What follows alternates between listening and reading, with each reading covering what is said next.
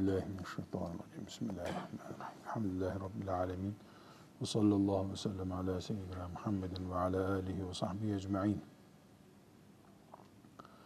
İlim ve ümmeti Muhammed kelimelerinin birbirlerine çok paralel durduğunu, bu ümmetin okuma ümmeti olduğunu, kitap ümmeti olduğunu, Kur'an'dan, hadis-i şeriflerden inanarak benimsediğimizi konuşuyoruz.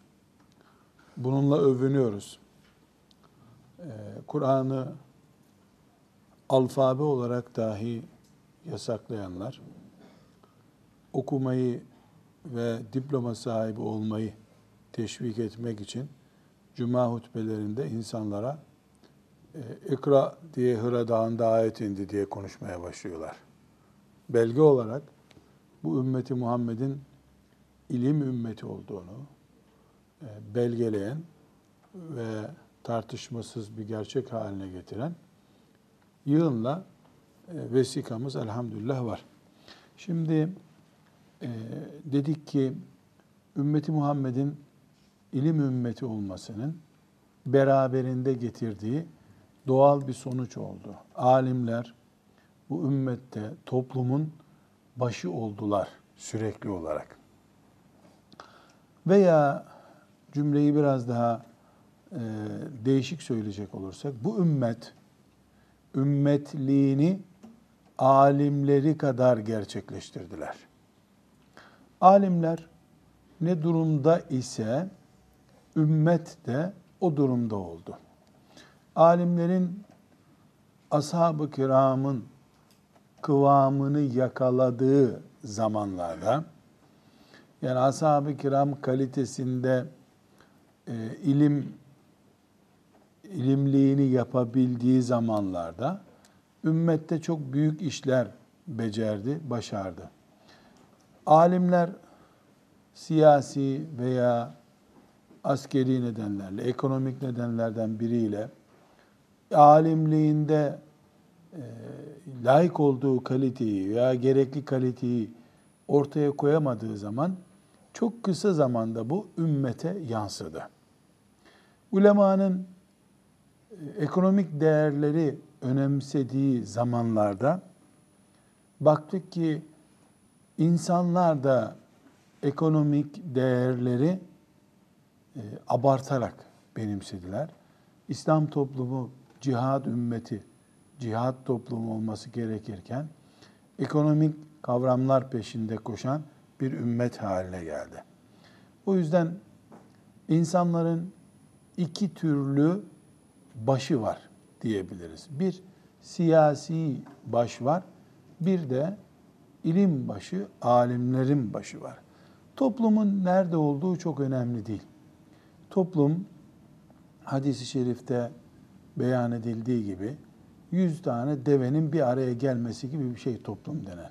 Yüz deve bir araya gelse ne olur? Bir eşek çekip götürecek onları zaten. Yani develer bin tane de olsa en önde bir eşek çekip gidecek. Onlar da eşeği takip edecekler. Mantık bu. Veyahut da yüz bin koyun da olsa nihayetinde bir çoban köpeği ne tarafa sürüklüyorsa koyunlar o tarafa gidiyorlar. Benzetme insanı tahkir etmek için değil ama olayı kavrayabilmek için yapılmış bir benzetme. Yani toplum dediğin başıyla tanınması gereken, başıyla yön alan bir kıvamdır. Bu e, ya alimlerdir ya da siyasi liderlerdir. Siyaset insanları ne tarafa çekiyorsa toplumda o tarafa gidecektir. E, bu hadis, hadis olarak kitaplarımızda yer alan insanlar yöneticilerinin dinleri üzeredirler. Sözünde de çok rahat anlaşılıyor. İnsanlar din, din açısından ne kadar dindar olduklarını ölçmek için e, yöneticilerine benzetiyor hadis-i şerif. Yöneticilerinin dini neyse insanlar da e, o dindedirler. Bunun için Fudayl bin İyad'a e, enteresan bir soru sorulmuş bir gün. Allah sana tek hak tek e, dua hakkı verse bu duayı nasıl kullanırsın demiş. Yani Allah sana diyor ki bir tek dua hakkım var. Bunu yap kabul edeceğiz derse diyor ki o duamı diyor ümmeti Muhammed'i yöneten e, idareci için kullanırım diyor. Çünkü ümmetin idarecisi iyi olsa hepimiz iyi oluruz. Ben kendim için kullansam duayı, tek başıma iyi olsam ümmete bir faydası olmaz diyor. Önemli bir ayrıntı bu. Neyi gösteriyor? Siyasi kadroların ya da ümmetin başı olan kişilerin ne kadar e, önemli bir etki alanında bulunduklarını gösteriyor. E, ama alimler de siyasetçilerin yönlendiricisi olmaları gerekiyor. E, eğer alimler siyasetçilerinin yörüngesine girerlerse, yani siyasetçilerden şekil almaya başlarlarsa, bu hem siyasetçiler açısından hem de onların yönlendirdiği toplum açısından e, ciddi bir sıkıntı demek. Onun için biz ilim ümmetiyiz derken alimlerin siyasete, ekonomiye, coğrafyaya, toprak yapısına bile, tabiata bile şekil verdikleri bir toplumu özlüyoruz demektir ya da böyle istiyoruz demektir. Şimdi e, burada bu değerlendirmeden şu sonuç ortaya çıkıyor. Biz toplum derken, siyaset derken, askerlik, askeri anlayış derken yani cihat derken veya ne kastediyorsak bunu hep oturup sonunda ulema kadrosuna yığıyoruz. Alimler diyoruz. Neden? Çünkü biz hayattan Allah'ın rızasını anlıyoruz. Çünkü biz Allah'ın istediği gibi yaşamak ve Allah'ın razı olacağı şekilde ölmek istiyoruz. Öbür türlü hayatın bir anlamı yok bizim için. Daha doğrusu hayvanlardan veya kafirlerden ayrıt edilebileceğimiz seviyede budur. Yani hayatımız, ölümümüz, işimiz, gücümüz, her şeyimiz namazımız gibi Allah'ın rızasına uygun olmalı. Yani ne salati ve nusuki ve mahyaya ve memati lillahi rabbil alemin. Her şey namaz gibi bizde. Eğlenmekte, düğünde, keyifte, piknikte, ticarette her şey namaz gibi. Siyaset namaz gibi bizde yani. Namaz gibi derken hep abdestli yapılır anlamında değil. Namazı ne için yapıyorsa Müslüman, siyaseti de onun için yapıyor. Ticareti de onun için o maksatla, o daire içerisinde, o kurallarla yapıyor demektir. Burada e, ulemanın bizim anlayışımızda ilim ümmeti olduğumuz için ortaya çıkan ulemanın inne salati ve nusuki ve mahyaya ve memati lillahi rabbil alemin anlayışını yaşatmaları gerekiyor. Yani namazdan, hayattan, ölümden, siyasetten, ticaretten sorumlu adam olmaları gerekiyor.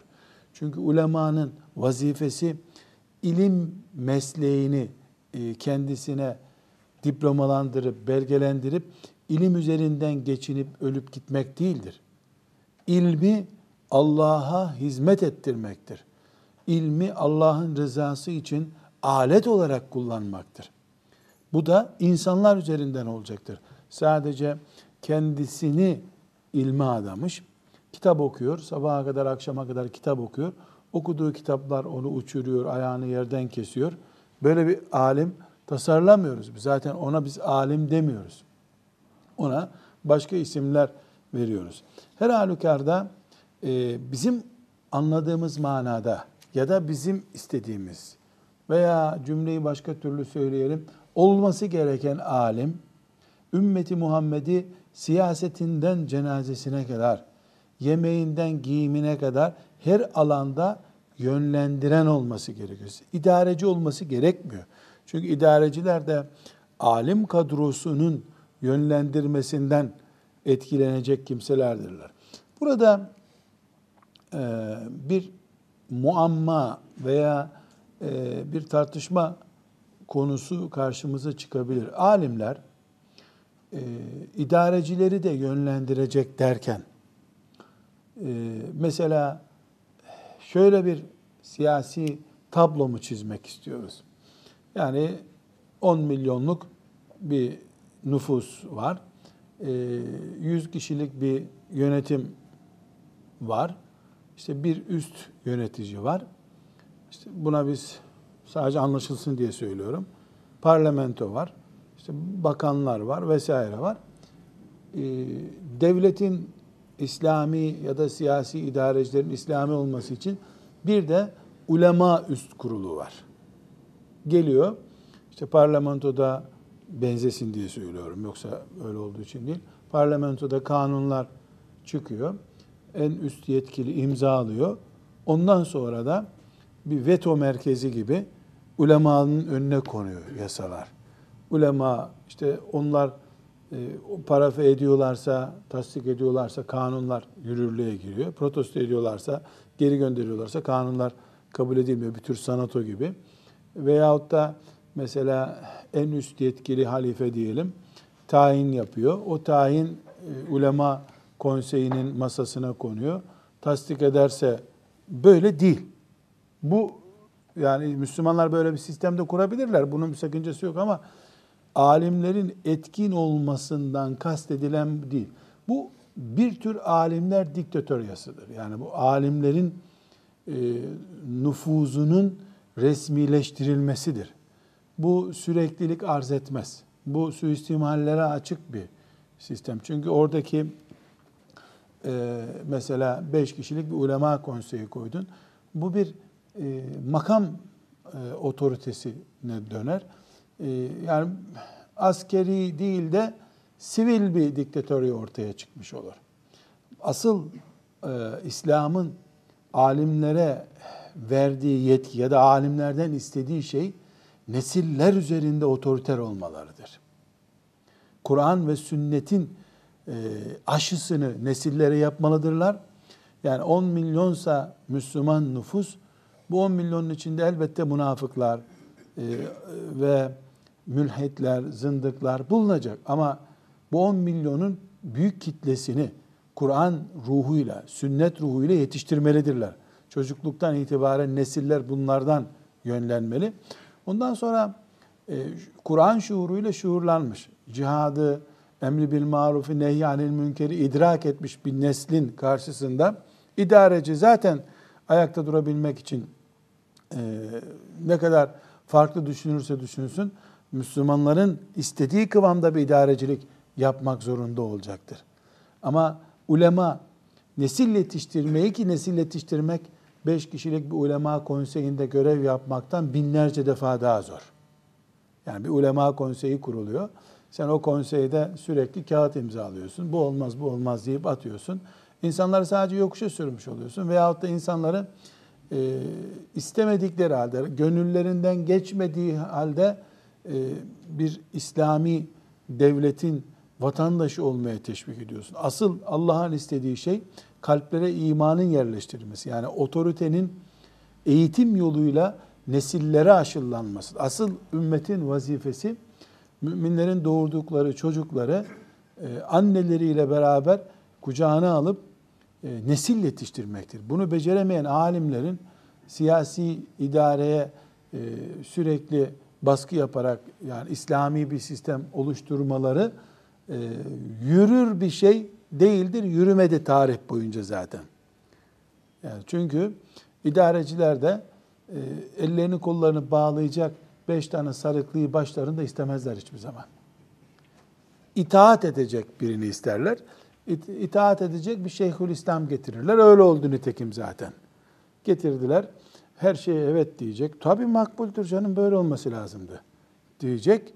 Ee, bir enteresan e, uygulamadı. Burada biz bir e, halledeceğimiz sorun olarak konuşmuyoruz bunu ama zihnimizde neyi konuştuğumuz anlaşılsın diye özellikle söylüyoruz. Burada arkadaşlar e, bir alim portresi çizmemiz gerekiyor.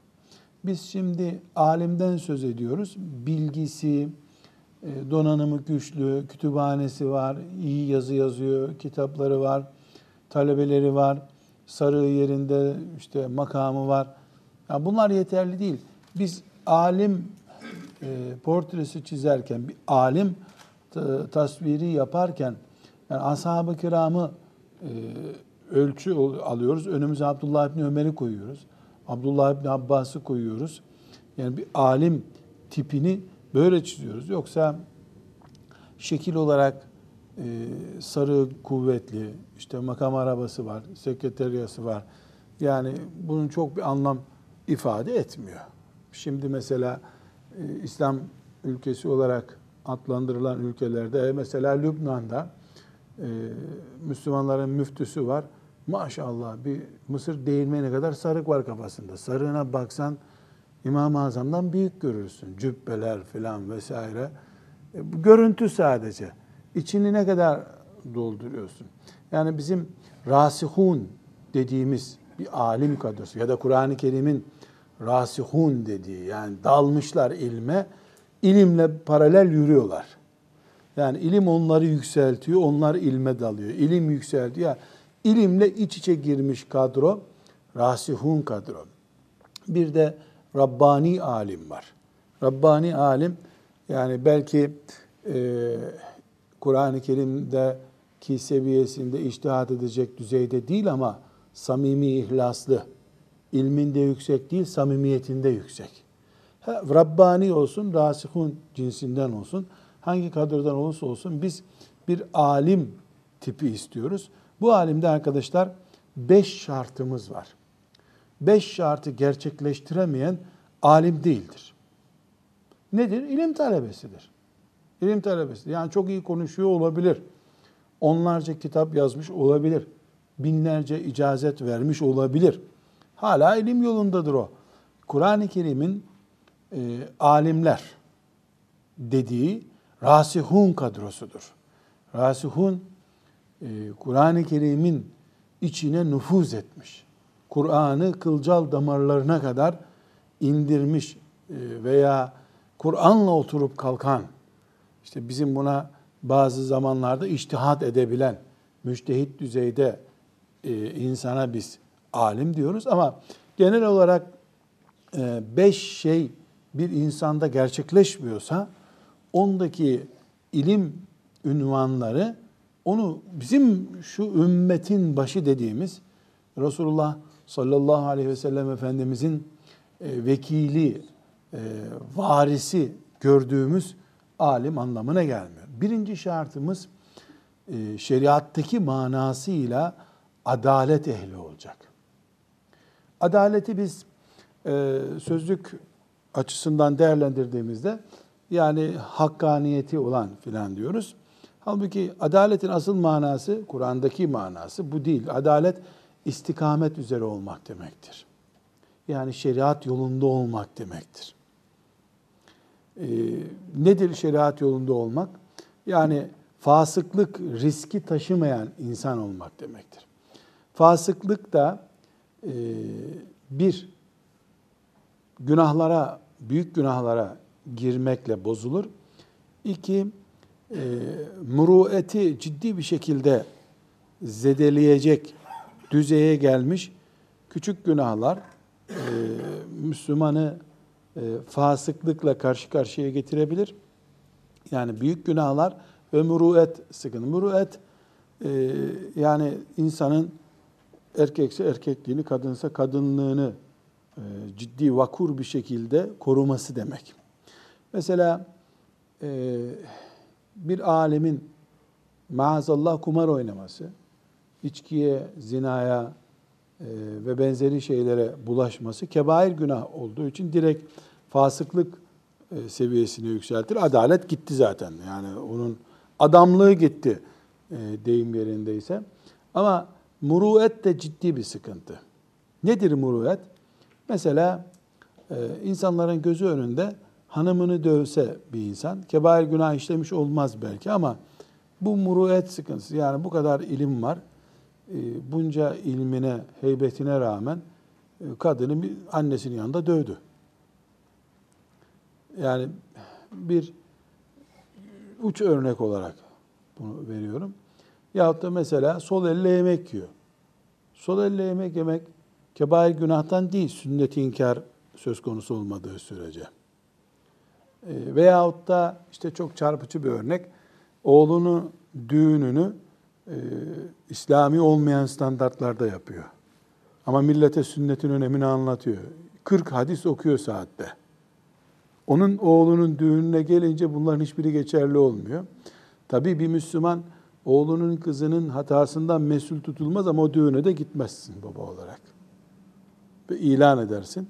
Benim şeriatıma aykırı bir düğündü, bu katılmıyorum buna dersin. Ne yapalım çocuklara söz geçmiyor diye oturdun mu orada senin adalet vasfın kaybolur. Muruetinde sıkıntı var. Sen yani erkekliğine, kadınlığına, alimliğine, toplumdaki itibarına ters düşen bir tavır içerisindesin. Demek ki beş şartı ısrarla bir alimde istiyoruz. Bunun birincisi alim adil olacak, adalet sahibi olacak.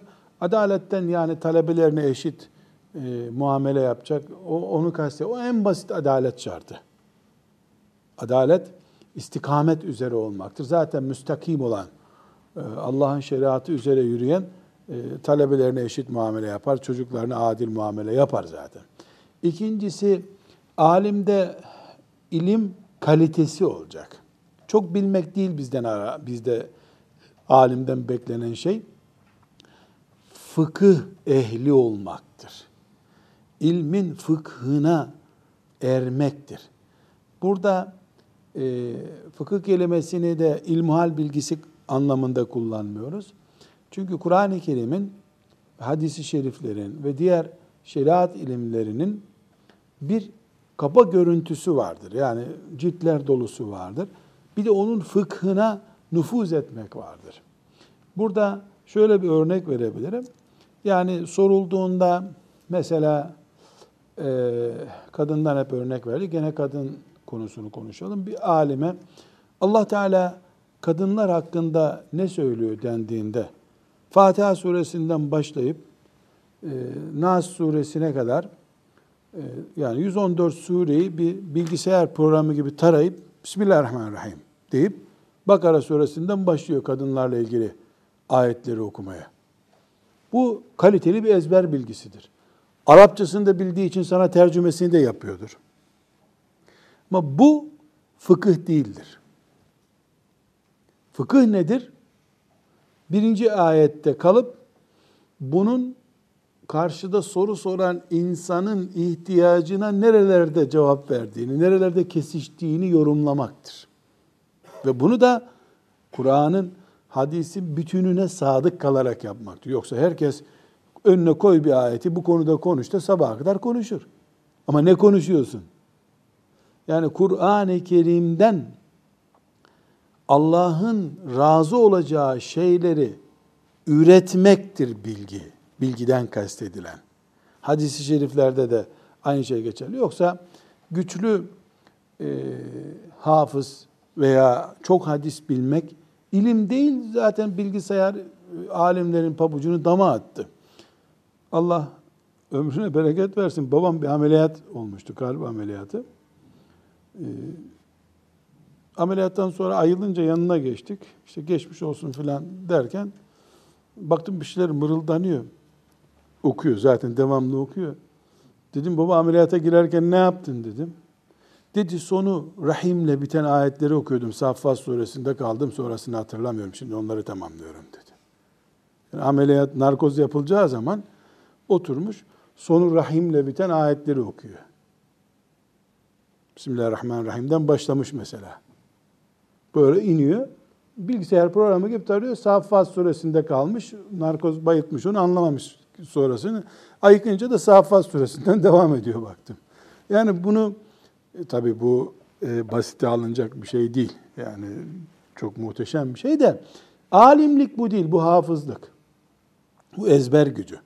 Çünkü bunu e, 10 yaşında ben de yapıyordum böyle. Yukarıdan aşağı, aşağıdan yukarı Kur'an-ı Kerim. Yani hafız bunu yapar, çocuk da yapar bunu. Hatta ve hatta imani sıkıntısı olan biri de ezberleyince yapar. Oryantalistler bir benzerini yapıyorlar zaten. Bunu daha da kötüsü e, teknik bir alet olan bilgisayarda yapıyor zaten. Üç harf yazdın mı o harfle ilgili Kur'an-ı Kerim'den, hadisten, nereden istiyorsan buluyor veriyor sana. Bu değil. Ama o üç harften bir dünya kurmak alimin işi. Bu da fıkıh düzeyidir. Onun için e, Hatip Bağdadi rahmetullahi aleyh muhaddislerden birisidir. Ahmet bin Hanbel'i o dehşet hadis ilmine rağmen fakih saymıyor. Fakih değildi diyor. Fakih üç kişiydi diyor. İşte Ebu Hanife, e, Malik bin Enes ve Muhammed bin İdris Şafii bunlar fakihti diyor. Ahmet bin Hanbel ki bir derya yani. Üstelik de Hatip Bağdadi'nin ilminin en az beşte biri Ahmet bin Hanbel'dir. Bu Ahmet bin Hanbel'i küçük düşürmek için söylemiyor bunu. Fakihlik başka bir şey diyor. Yani bir Müslümanın Allah'ın şeriatını pratiğe döken bir beyin sahibi olması farklı bir şey. Alemde bu olacak. Aksi takdirde mesela şu anda bilgisayarlarda e, Kur'an, hadis, fıkıh her şey var. Her şey var. E, bundan bin sene önce yaşamış en büyük müştehitten daha hızlı bir şekilde herhangi bir bilgiye ulaşma imkanımız var bizim. Yani bir müştehide mesela biraz önceki örnekte olduğu gibi e, Kur'an'dan filan ayetleri söyle dediğinde okuması için en az 10 dakika lazım yani. Tamam hepsini bir saniyede hatırlasa bile 10 e, dakikada mesela 100 ayeti 10 dakikada okuyacak diyelim. E bilgisayar bunu bir saniyede, iki saniyede yapıyor. Bu değil. Biz alimden e, bilgi kalitesi istiyoruz. Fıkıhlaşmış bilgi istiyoruz derken kastımız çok bilmek değil. Bildiğini Allah'ın şeriatını ikame etmeye. Müslümanın namazından ölümüne kadar her şeyini Allah rızası standartlarında yapmasına yardım edecek bilgi ve pratik istiyoruz. Bu alimde olacak. Bu da şu demek değil işte. Mesela e, aşağıdaki kütüphanemizde benim hatırımda şu anda İslam ekonomisi, işte İslam'da banka, para vesaire gibi en az 70-80 tane doktora tezi falan vardır. En az ama. Ben satın alarak oraya koyduklarımdan sayıyorum. Belki de daha fazladır. Mesela İslam'da banka sistemi, işte kredi kartı kullanma sistemi falan. Doktora tezi hepsi. Üç tane, dört tane profesörün önünde tartışılmış, tamam onay verilmiş. Ee, işte gerek Türkiye'de yapılanlar var, diğer e, İslam topraklarında yapılanlar var. Belki 80 tane diyorum ama 200 tane de olabilir onlar. Hepsini bir yere koy. Hepsini bir yere koy. Hepsi doktora üstünde e, profesör doktor yazıyor çoğunun. En azında da doktor yazıyor. Yani akademik bir eser. Onların hepsini akşamdan sabaha kadar oku. Ama Müslüman parasını şimdi ne yapacak? Filan finans kurumuna götürebilir mi sorusunun cevabı yok orada. Bilgi var. Ama sana yarayan bilgi değil. Ne yapmış? Ebu Yusuf'un haracından filan kitaptan filan kitaptan paragrafları kesmiş, yapıştırmış. Başlık koymuş aralarına sadece. İçtihad etse ben de diyorum ki borsada şu hisseyi almak caizdir dese hemen ben itiraz ediyorum zaten. Sen bunu ne için dedin diyorum. Öyle uygun gördüm diyor. Sen uygun görme hakkına sahip değilsin diyorum. Ben onu benimsemiyorum bu sefer. Yani bizim alimden beklediğimiz şey ümmeti Muhammed'in sorunlarını Allah'ın rızası doğrultusunda çözecek adamdır. Bedava fetva üreten de istemiyorum. Ümmeti Muhammed'i kilitleyen adam da istemiyorum. Bir de şu türlü bir anlayış da var.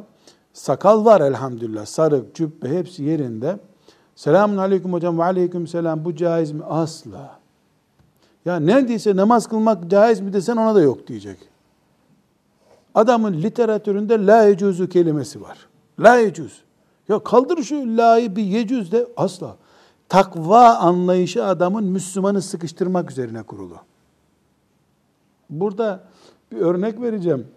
Sadece anlaşılsın diye yani ilmi bir yönü yok bunun. Adamın biri çocuğunu medreseye göndermiş. Çiftçiymiş. Çocuk da işte İslam terbiyesinde taharetle başlanıyor. Taharet ne demek? Abdest bozmak, abdest almak. Ee, yani ilk terbiye bizde suyla. Medeniyetimiz su üzerine kurulu olduğu için insan da sudan yaratıldığından. Şimdi çocuk ilk ay medresede kalmış, tuvalet terbiyesi öğrenmiş. İşte güneşe karşı abdest bozmak caiz değil. Kıbleye dönmek, kıbleye arkanı vermek caiz değil. Bu şekilde öğrenmiş çocuk. Tarla, köye dönmüş, tatile diyelim. Babası tarlada çalışıyormuş, yanına gitmiş. Beraber çalışıyorlar ya da. Biraz sonra babası abdest bozacak. Güneşe doğru dönmüş. Baba ne yapıyorsun demiş. Asla caiz değil demiş. Ey oğlum demiş. Dönmüş. Baba ne yaptın sen demiş. Kıbleye döndün demiş.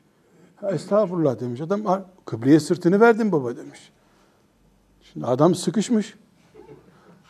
Öyle olmaz, böyle olmaz. Yatmış yere yukarı doğru abdestini bozmuş. Köylünün biri görmüş. Sen delirdin mi ne yapıyorsun demiş. Delirmedim ama oğlumu medreseye gönderdim demiş. Şimdi bu olur mu olmaz mı ama bunun örneklerini hepimiz görüyoruz. Bu caiz değil. Bu değil, bu değil. Ne caiz? Sadece sana soru sormak caiz. Senin vazifen yani nöbetçi asker gibi yasak abi giremezsin. Vazifen o değil ki. Kimin nereye gideceğini yönlendirmektir senin vazifen. Alim trafik polisi gibidir. Evet yasak koyar. Buradan geçemezsin der ama şuradan geçeceksin der. E buradan geçme, buradan oradan da olmaz. E nereden geçeceğim? Uçacaksın. İşte adamı abdestini öyle bozdurmuş sonunda. E, alimlerimizin vazifesi e, ümmetin vebalini sırtını alıp caizler ne yaparsan yap demek de değil. Alimin vazifesi set örüp Müslümanlara hayatı zehir etmek de değil. Ya ne vazifesi? Bir defa alim kırkını bulmadan bembeyaz olmalı. Sabahlara kadar ilim çalışmaktan, dert edin. Ümmetin dertleriyle dertlenmiş birisi olacak. Onun bunun yazdığı doktora tezini alıyorsun, okuyorsun. Onu ben de yapıyorum zaten. 20 tane kitabı önüne koydun mu deryasın mübarek. Hele Arapça bilip e, onların kullandığı lehçe farklılıklarına da vakıf oldun mu senden büyük alim de yok. Öyle değil meselemiz. Ümmetin derdi dert olacak. İstişare ehli olacak. Diğer ulema ile oturacak. Bizim dertlerimize çare bulacak. Faiz haramdır. E bunu bedevi de bilir, e, cahil de bilir. Herkes faizin haram olduğunu biliyor. Faize bulaşmadan nasıl yaşayacağını bilemiyor Müslüman. Alimin vazifesi budur. Faizin haram olduğunu seninle Cuma hutbesinde tekrar ediliyor zaten faiz. Haramdır. Her Müslüman biliyor bunu. Allah muhafaza buyursun diyor.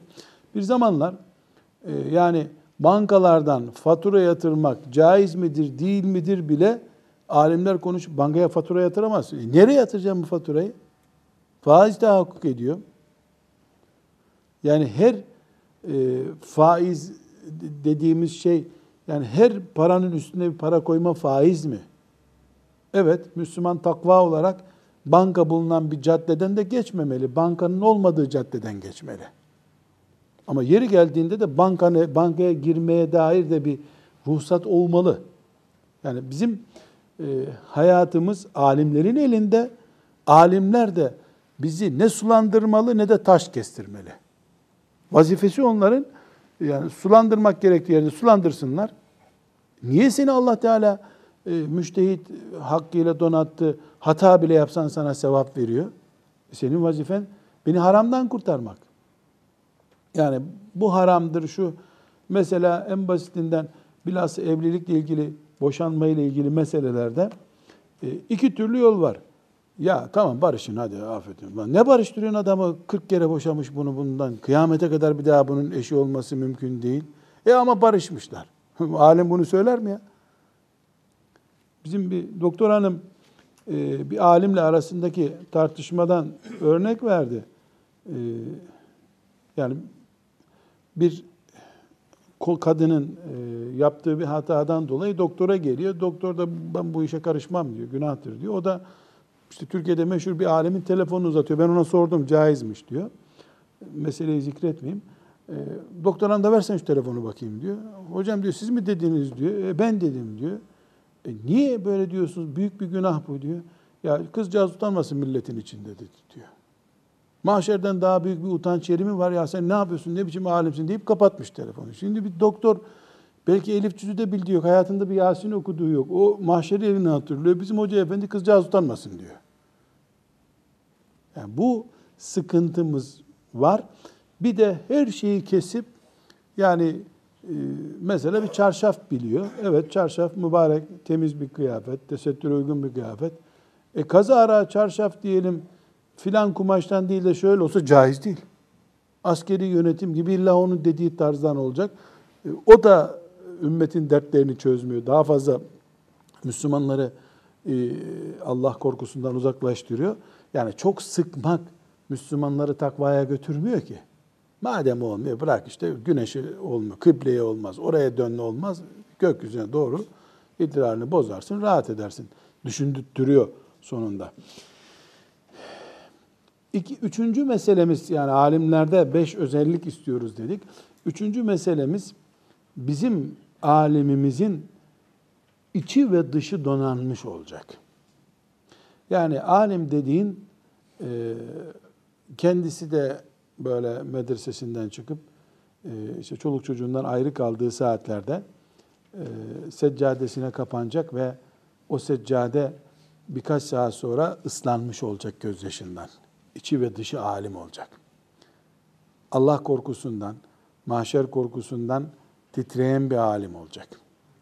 Maalesef bu sadece bu aslın sorunu değil. Abbasi döneminde, Emeviler dönemindeki e, alimlere ait biyografileri okurken dikkatimi çekiyor. O dönemde bile bazı alimleri överken Zehebi mesela e, çok gözü yaşlı bir adamdı diyor. Demek ki o dönemde gözü yaşlı olmayan alimler de varmış. İlim istediğin kadar çuvalla. Yani hard diskte yükle, nereye flash belleğe yükle, nereye yüklersen yükle. İlim dolu adamda ama neşeli bir adam. Hiç tebessümden e, çehresi bozulmuyor. Neden? İç boş. Biz ilimle zahiri ve batini yönün beraber yürümesini istiyoruz. Belli saatleri Rabbi ile halvet halinde olmalı. Yani bu tasavvuf mu adlandırılır, tarikat mı adlandırılır? İsmi önemli değil bunun. Alim sadece kitaplarına tapınan biri değildir. Yani alim aynı zamanda e, özel bağlantıları olan biri olmalıdır. Burada bu kadar ilim bu tip işlere engel değil mi diye bir soru sorulabilir. Ama e, eski alimlerde engel olmadığını çok rahat görüyoruz. Yani İbnül Cevzi e, mesela Ebul Farac İbnül Cevzi rahmetullahi aleyh örnek olarak sadece söylüyorum. Bir tane olduğu için değil. E, yani binlerle kitap okumuş, yüzlerce de kitap yazmış birisi. Yüzlerce talebe yetiştirmiş. Yani her branşla ilgilenmiş birisi. Ama e, hatıratına bakıyoruz ya da çocuklarının onun, onunla ilgili anlattıklarına bakıyoruz. Müthiş gece ibadeti olan birisi aynı zamanda. Ne zaman uyur, ne zaman dinlenir belli değil. Daha sonraki derslerimizde alimlerin bu yönlerinden örnekler okuyacağız. Farklı insanlar yani. Ümmeti Muhammed'i farklı düşünmüşler. Yani dert etmişler. Ümmet diye bir derdim var benim. Ama kendisini ihmal etmemiş o arada. Yani ışık verirken mum gibi erimemiş. Güneş gibi hem enerjisini saklamış hem de ışık vermiş insanlara. Alimi bu şekilde istiyoruz. Dördüncüsü e, ders okutmayan alim alim değildir bizde. Alim okutacak. Biz önüne talebe alana alim diyoruz. Çok kitap yazıyor filan. E bu kitabı parayla satın almaya vakti olmayan ne olacak? Yani bir alim nasıl ibadet etmeyi, namaz kılmayı kendisine şiar ediniyorsa aynı şekilde alim e, ders okutmayı, talebenin sorusuna cevap vermeyi, beni öğret diyenin e, karşısına geçip ona öğretmeyi de ibadet olarak telakki etmelidir. Aksi takdirde alimin karakterinden biz e, rahatsız oluruz. Onu şu Kur'an-ı Kerim'in övdüğü ve ümmeti Muhammed'in umudu olan alimler kadrosundan saymayız. Ve beşinci özellik alimin Allah korkusu bütün korkuların üstünde olacak. Allah korkusundan büyük bir korkusu olmayacak. Bu nerede işimize yarıyor? Fetvada işimize yarıyor.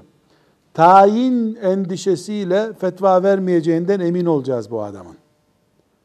Çocuklarım ne olacak diye derdi olandan alim olmaz. Hem bize sen Allah'tır rızkı veren diyorsun. Kendine gelince çocuklarının aç kalacağından korkuyorsun. E, bu bir çelişki alemde. Yani bunu bir simge olarak alıyoruz biz. Allah korkusu bir alimde bütün korkuların üstünde olmalı. Makam, rızık, ölüm, her şeyin üstünde bir Allah korkusu olmalı. Bu şu demek değil. Alim ölümden korkmaz demek değil. Korkar, bal gibi de korkar. Alim aç kalmaktan korkmaz diye bir şey yok. Korkar, o da insan. Alim masum biri değil. Alim melek değil. Herkesten çok ölümden korkabilir. Ama e, ilmiyle ilgili alana gelince Allah korkusu ölümden de üstün olmalı. Bu takdirde biz bu alimin peşine takıldığımızda bu filanca siyasi liderin tehdidinden çekinip de bize bunu söyledi diye bir endişemiz olmaz. Ölesiye peşine gideriz onun. Böyle bir adam çocuğunu ver, şuraya gitsin dediğinde çocuk orada ölse gitse gam yemeyiz. Allah yoluna gitti diye inanırız. Ama şimdi bir alim benden çocuğumu istiyor. Sonra bakıyorum ki medresesi kapanacak, işsiz kalacak. Onun için çocukları topluyormuş meğer ki. Benim orada çocuğum helak oldu o zaman. Yani onun işsiz kalma korkusuna karşı benim çocuğumu istemiş.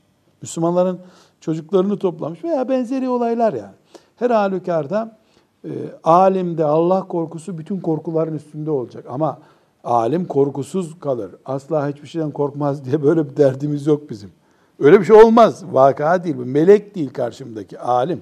İnsan nihayet. O da insan. Ama ilmi için bir iş yaparken, dinine hizmet ederken bir numaralı endişesi Allah korkusudur. Allah ne diyecek bunu düşün. Böyle bir alim zaten yanlış da yapsa, yaptığı iş yanlış bile olsa Allah ona sevap yazıyor. Bunun iştihat hataları bile sevap. Doğru yaptı mı iki sevap kazanıyor.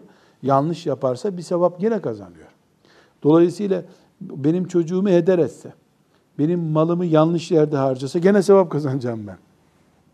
Çünkü adamın derdi sürülmek değil. Öyle bir korkusu yok adamın. Evet sürülmemek filan şehirde kalmak istiyor. Ama e, yeryüzünün öbür ucuna sürülse o gene taviz vermiyor. Bu ciddiyet yani Allah korkusunu bütün korkuların üstünde tutma. Korkuları atma değil. Bütün korkuları üstünde tutma seviyesi alimin e, bize ilim adamı olduğunu, gerçek alim olduğunu ispatlayan belgesidir. Burada kardeşler e, bu beş şeyi ters taraftan özetlediğimizde yani beş karakter istiyoruz. O zaman ne istemiyoruz alimde? iki şey istemiyoruz. Biz eşek alim istemiyoruz. Eşek istemiyoruz bizim alimimizi. İkincisi hedefsiz alim de istemiyoruz. Eşek alim neden istemiyoruz? Çünkü Kur'an-ı Kerim ilminin gereğini yapmayanı neye benzetiyor? Eşeğe benzetiyor. Meselüllezine hummilut tevrate thumme lem yahmiluha kemesel himari yahmilu esfara. Şu Tevrat'ı yüklenip de yani Tevrat öğrenip de onun gereğini yapmayanlar e, kitap taşıyan eşeklerdir Allah Teala bu. Eşek kitap taşıyor. Biz diploması var, yetkisi var, ilmi var, gereğini yapmıyor. Şehadetten konuşmuyor. Faizin vebalinden konuşmuyor. Ee, infaktan konuşmuyor. Niye konuşmuyor? İşte belli kendine göre özürleri var. Biz e, eşeklik standartlarını aşamamış. Diploma hamalı olarak görmemiz gerekiyor bunu o zaman. E kendisinin özel durumları var. Özel durum olmayan bir kulu yok ki Allah Teala'nın. Herkes sorunlarla yaratılmış bu dünyada. Herkesin maişet derdi var. Herkesin ailesi var. Herkesin anası babası var. Yani avamdan birini şehadete sürüklerken onun anası babası çocuğu çocuğu yok mu? Onu şehadete sürüklüyordun. Sıra sana geldi mi senin özel sorunların var. Hanımın doğum yapacak, çocuğun okula gidecek. İşte meselüllezine hummelü't tevrat Kur'an-ı Kerim eşeğe benzetiyor. Yani bu beş şartı ters çevirdiğimiz zaman e, bu karşımıza çıkıyor. İkincisi de hedef sıkıntısı olan alim. Hedef sıkıntısından ne kastediyoruz? Alimin nesil yetiştirmek, çok Kur'an okutmak, Buhari icazeti vermek. En üst seviyeden söylüyorum. Binlerce hafız yetiştirmek gibi bir hedefi olmaz. Alim için bunlar çok küçük hedefler. 10 bin hafız yetiştirecekmiş, 200 medrese açacakmış. Bunlar mühendis hedefleri. Belediye hedefi bunlar. Yani şehir planlaması yapıyor. Alemin hedefi Resulullah'ın vekili olmaktır aleyhissalatü vesselam. Yani veresetül enbiya, peygamber varisleri aksi takdirde hafızlık diye bir hedefi olan bir insan hafızlık yaptırır. Ama o hedefine ulaşmak için hayvan döver gibi çocuk döver bu sefer. Niye? E, hafız ya olmuyor çocuk başka türlü. Peygamberin vekili olsaydı Enes İbni Malik'in sözünü hatırlayacaktı. Hiç kimseyi eliyle vurmamıştır peygamber diyecekti. E, dövmeyecekti. Onun için alim alt hedeflerden bir hedef, büyük hedef bile olsa, alt hedeflerden bir hedefe kilitlendiği zaman bu beş vasıftan birinde tıkanır muhakkak. Onun için alimi biz peygamber varisliği hedefi diye bir hedefe kilitleyeceğiz. 2050 yılında Muhammed bin Abdullah'ın varisi yeryüzünde. Hazreti Muhammed'in varisi. Baba, anne, muallim bu standartta e, talebe yetiştirecek ki alim büyüdüğünde iştihad edip Ebu Hanife olacak biri gibi bir hayal peşinde koşmayacak. Ne demek Ebu Hanife olacak? Ebu Hanife'yi geçecek olsan e, Suriye'de olacak bu zaten. Ne işin var senin Ebu Hanife ile? Ebu Hanife'si var bu milletin. Neyi yok ama Ebu Hanife'nin ruhu yok kimsede. Ebu Hanife'nin ruhu sende olsun. Peygamber varisi ol. Bırak ondan sonra istersen iki talebe bile okutma. Çok çocuk okutmak, çok fetva vermek, çok hafız yetiştirmek, çok e, icazet vermek bunlar çok alt hedefler. Çok alt hedefler bunlar. Bu hedeflere kilitlenmiş insanlar, işte çok hafız yetiştireceğim, filan e, kıraat ilmini okutacağım gibi bunlar mübarek, bu mübarekliklerine bir şey demiyorum yani. Bu hedefler mübarek hedefler ama e, ne oluyor o alim sonra? Mesela iç dış beraberliği sağlayamıyor. Ya mesela bu halkı İslamlaştıracağım diye bir hedefi oluyor. Bu aslında çok güzel bir şey. Bu onu siyasetçilerin çirkin masasında oturup yemek yemeye teşvik ediyor bu sefer. Siyasetçilere taviz veriyor. Gidiyor e, işte bir belediye başkanının veya birisinin bulunduğu düğünde camide söylediklerini söyleyemiyor bu sefer. Niye? İşte toplumu İslamlaştıracak. E, veyahut da işte filan yerdeki medresesine dokunmasınlar soruşturma geçirmesin.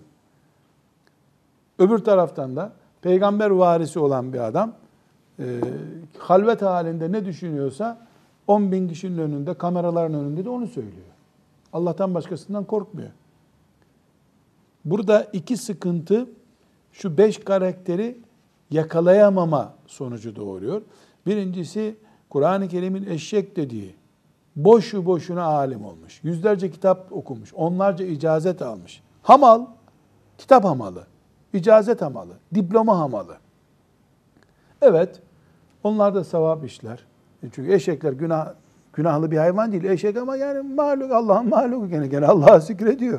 Ona bir itiraz yok. E, ama Tevrat'ı yüklenip, Tevrat bilip, Tevrat'ı uygulamayan, Tevrat için şehit olmaya razı olamayanları Allah böyle benzetiyor Cuma suresinde. Ne kadar çirkin bir benzetme onlar açısından. İslam ümmetinde de bu tip e, vasıflar var. E, mesela Nevevi'yi, İbn Abdüsselam'ı, İbn Teymiye'yi, e, Ahmet Faruk Serhendi'yi, e, İbn Hacer'i, Zehebi'yi, büyük adamları, Ebu Hanife'yi Malik bin Enes'i farklı yapan bu özelliktir.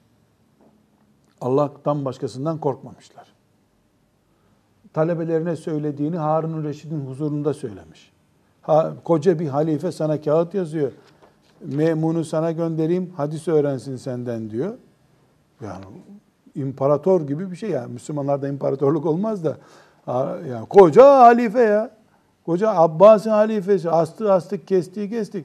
Tenezzül edip yeni bir kağıdı arkasına yazıyorsun. Sana koca bir mektup yazmış, övüyor seni işte. Şöylesin, Medine'yi sen nurlandırdın bir şeyler diyor. Arkasına cevap yazıyor. El el muyu'ta ileyhi velayeti. Tek cümle.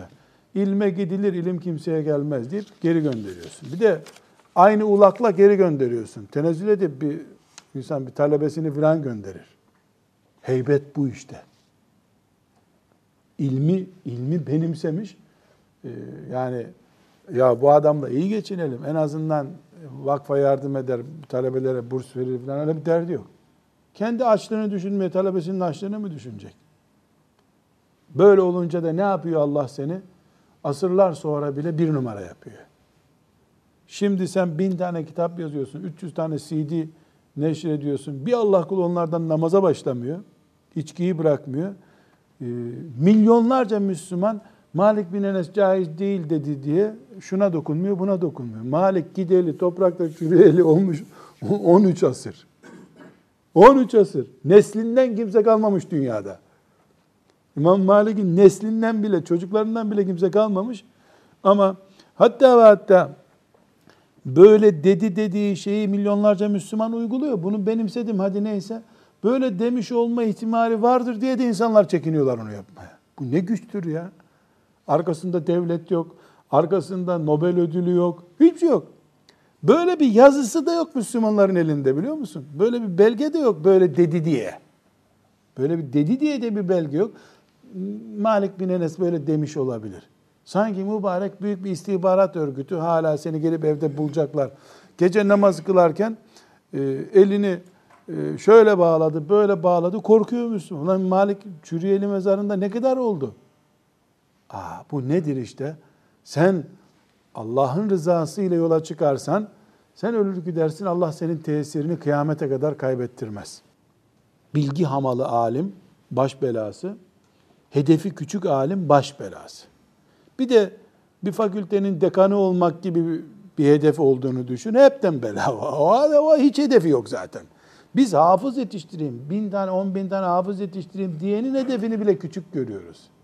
Yanlış hedefin var senin diyoruz. Nerede kaldı ki? Koltuklardan bir koltuğu benimsemek istiyordur. Onu hiç zaten benimsemeyiz. Burada kardeşler alimlerden e, beklentilerimiz var bizim. Bu beklentilerimiz yani beş özellikteki alim bir defa kendisini üretmeli. Yani alimlerden beş özellik istiyorum ya ben. Ters çevirince de iki özellik ortaya çıkmasını istiyorum. Bu alimler kendileri bu kadroyu üretmelidirler. Yani çıkıp da siyasiler böyle bir kadro üretemezler. Madem ümmete böyle insanlar lazım, haydi bundan sonra bu karakterde alim yetiştirelim diye bir iddiada bulunamaz. Yani böyle bir şey istemez siyasetçi zaten. Onun hırsına en azından yapmak için planladığı şeylere engeldir alim. Bir üst kontrol gibi bir mekanizması var alim. Onun için alimler kendilerini yetiştirmek zorundadırlar. Hem okuyup ilim e, elde etmek bakımından hem de önüne diz çöküp de bana ilim öğret diyenlere verecekleri ilimdeki e, malzeme bakımından, etken madde deniyor ya ilaçta, etken madde. Yani talebeye verdikleri şeyin etken maddesi ne olmalı? Altı şey alemin gündeminde olmalı arkadaşlar. Ders okuturken, fetva verirken, vaaz ederken, siyasi e, bir yerde bulunurken, yani bir alim çalışma takviminde e, e, altı şey bulunmalı. Bir, Kur'an ve sünnet yoğunluğuyla çalışmalıdır. Yani talebe yetiştirirken kaç fetva kitabı okuduğu önemli değil. Kaç hadis okuduğu önemli. Çünkü fetva salçadır. Bize domates lazım. Domatesten salçayı o yapsın bir defa. Yani ilim, ilim kaynağı olarak alim Kur'an ve sünneti kullanacak. Bu fıkı basit görmesini gerektirmiyor. Zaten sonra fıkha yönlenecektir. İki, ümmetin tek ümmet, birleşik ümmet olması hedefinde olacaktır o alimin. Mezhebini, fırkasını, ülkesini, e, ırkını öne çıkaran veya yaptığı iş nedeniyle böyle bir sonuç çıkan alim yanlış yoldadır. Tek ümmetiz.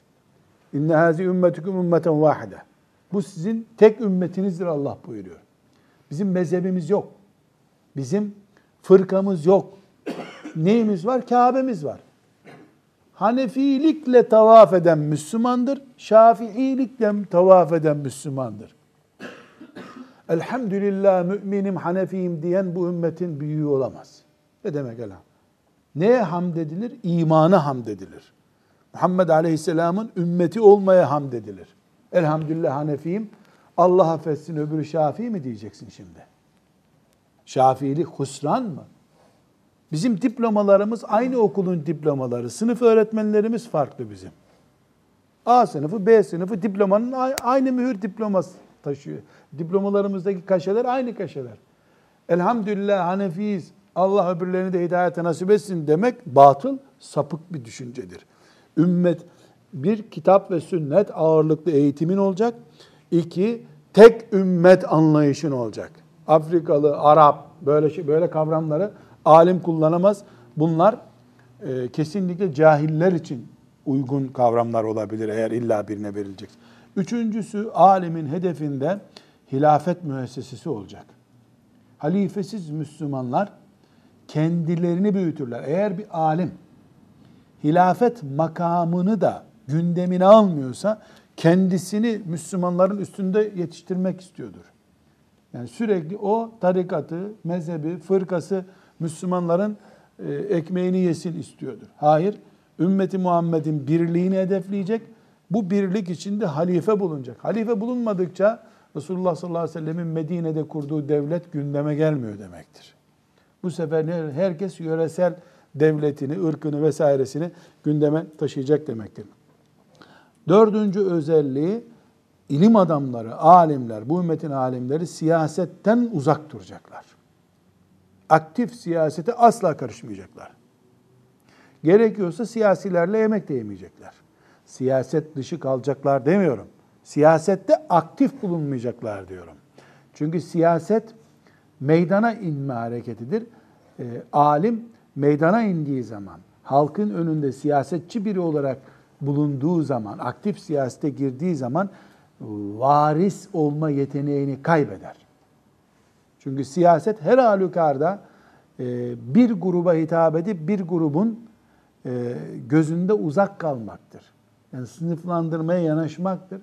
Ne kadar güçlü bir siyasetçi olursa olsun siyasetçi benimsenmeyeni, benimsemeyeni vardır. Ama alim peygamber varisidir. Peygamber varisi olan alim peygamberi temsil etmektedir. Peygamberi seven ve sevmeyen var mı bu dünyada? Peygamber herkesin peygamberi. Alim onun varisi ise herkesin alimi olacak.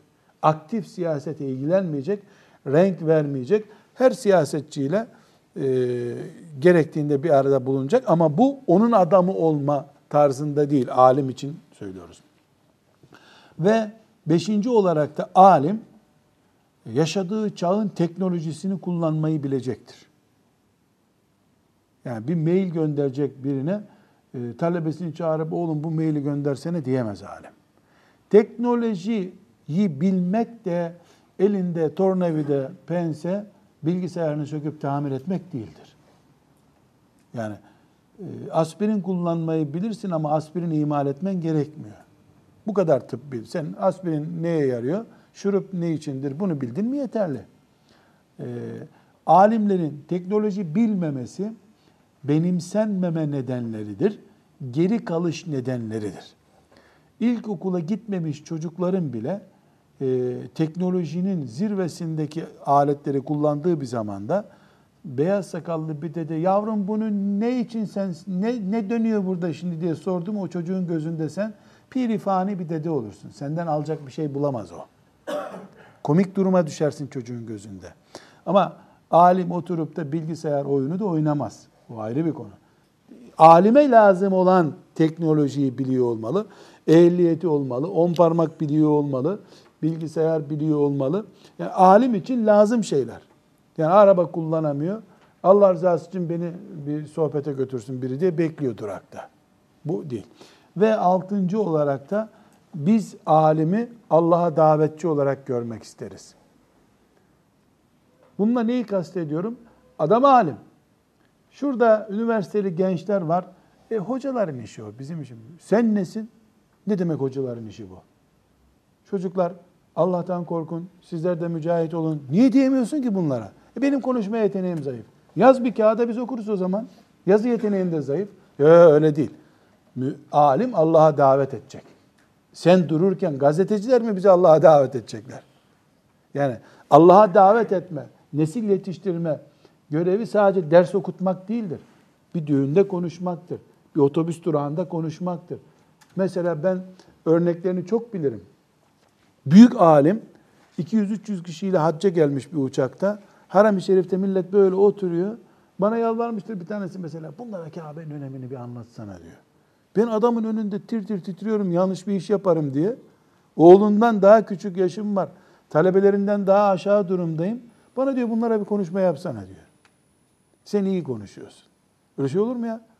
Bu insanlar senin peşinden hacca gelmişler burada bir feyiz kaparız diye. Kilit kesilmiş adam. Yasak konuşması sanki. Böyle değil. Nasihat etmesini bilecek, emri bil maruf yapmasını bilecek, nehyan münker yapmasını bilecek. E, evet konuşma yeteneği herkes için e, lütfedilmiş olmayabilir. Onun yerine ne yaparsın? Bir yazı yazarsın, yazıyı okutursun birine. İlla bir şey yapıyor olman lazım. Bu altı özelliği alimler tıpkı tavuk yumurtadan çıkacak, yumurta tekrar tavuk çıkaracak gibi kendi kendilerini yenileme, kendi nesillerini yetiştirmek için kullanacakları altı ham madde olacak dedik. Tekrar ulemamızdan söz etmeye devam edeceğiz inşallah. Velhamdülillahi Rabbil Alemin.